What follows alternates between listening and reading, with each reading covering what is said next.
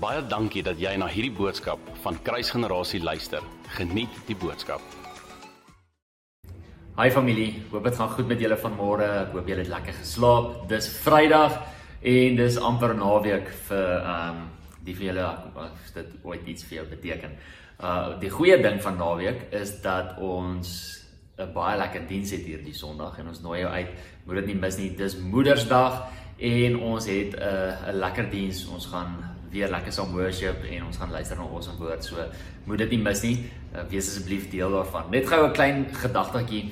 In Handelinge 1 praat die Bybel, ehm um, Lukas wat die wat Handelinge skryf, sê dat Jesus vir 40 dae net na sy opstanding vir 40 dae met sy disippels tyd spandeer het. En in hierdie 40 dae, hoor gou hier, sê hy and speaking of the things pertaining to the kingdom of God. Met ander woorde, in hierdie 40 dae wat hy met hulle aan hulle verskyn en met hulle gesels, praat hy met hulle oor die dinge van die koninkryk van God. Speaking to them pertaining the things of the kingdom of God.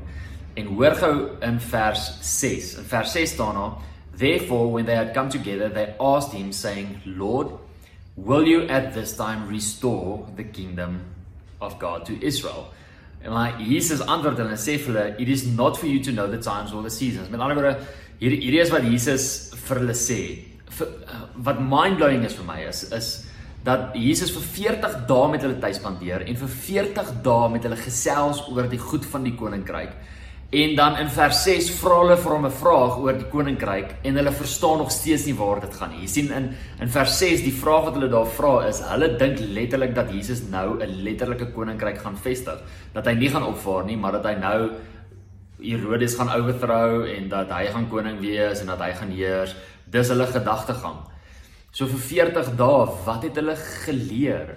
Jy sien die disippels het met 'n vooropgestelde idee gesit want hulle almal het met het met mekaar gesels en die hele Israel se hele raamwerk rondom die Messias was dat hy gaan kom en dat hy gaan koning word. Daar gaan 'n oorlog wees, daar gaan opstand wees en dan gaan hy koning word, dan gaan hy heers.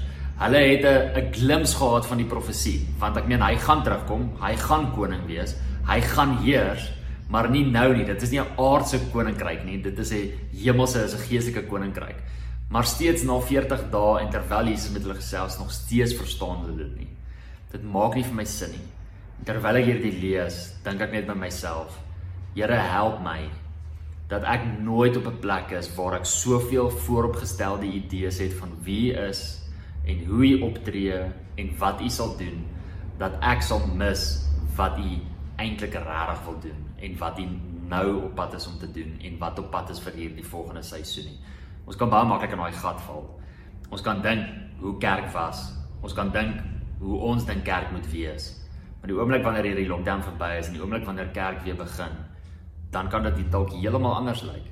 En ek wil nie met vooropgestelde idees sit nie. Ek wil regtig myself oopmaak om te kom sê, Here, leer my en lei my met die Gees. En ek bid dit vir jou ook.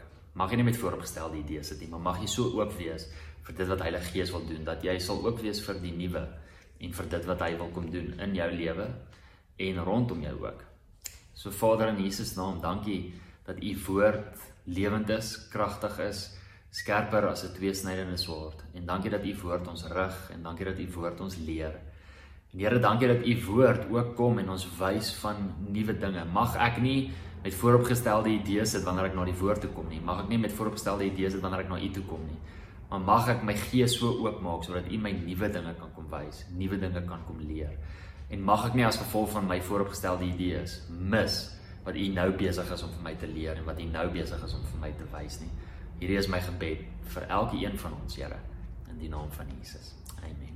Baie dankie dat jy na hierdie podcast geluister het. Indien jy die boodskap geniet het, deel hom asseblief met jou vriende.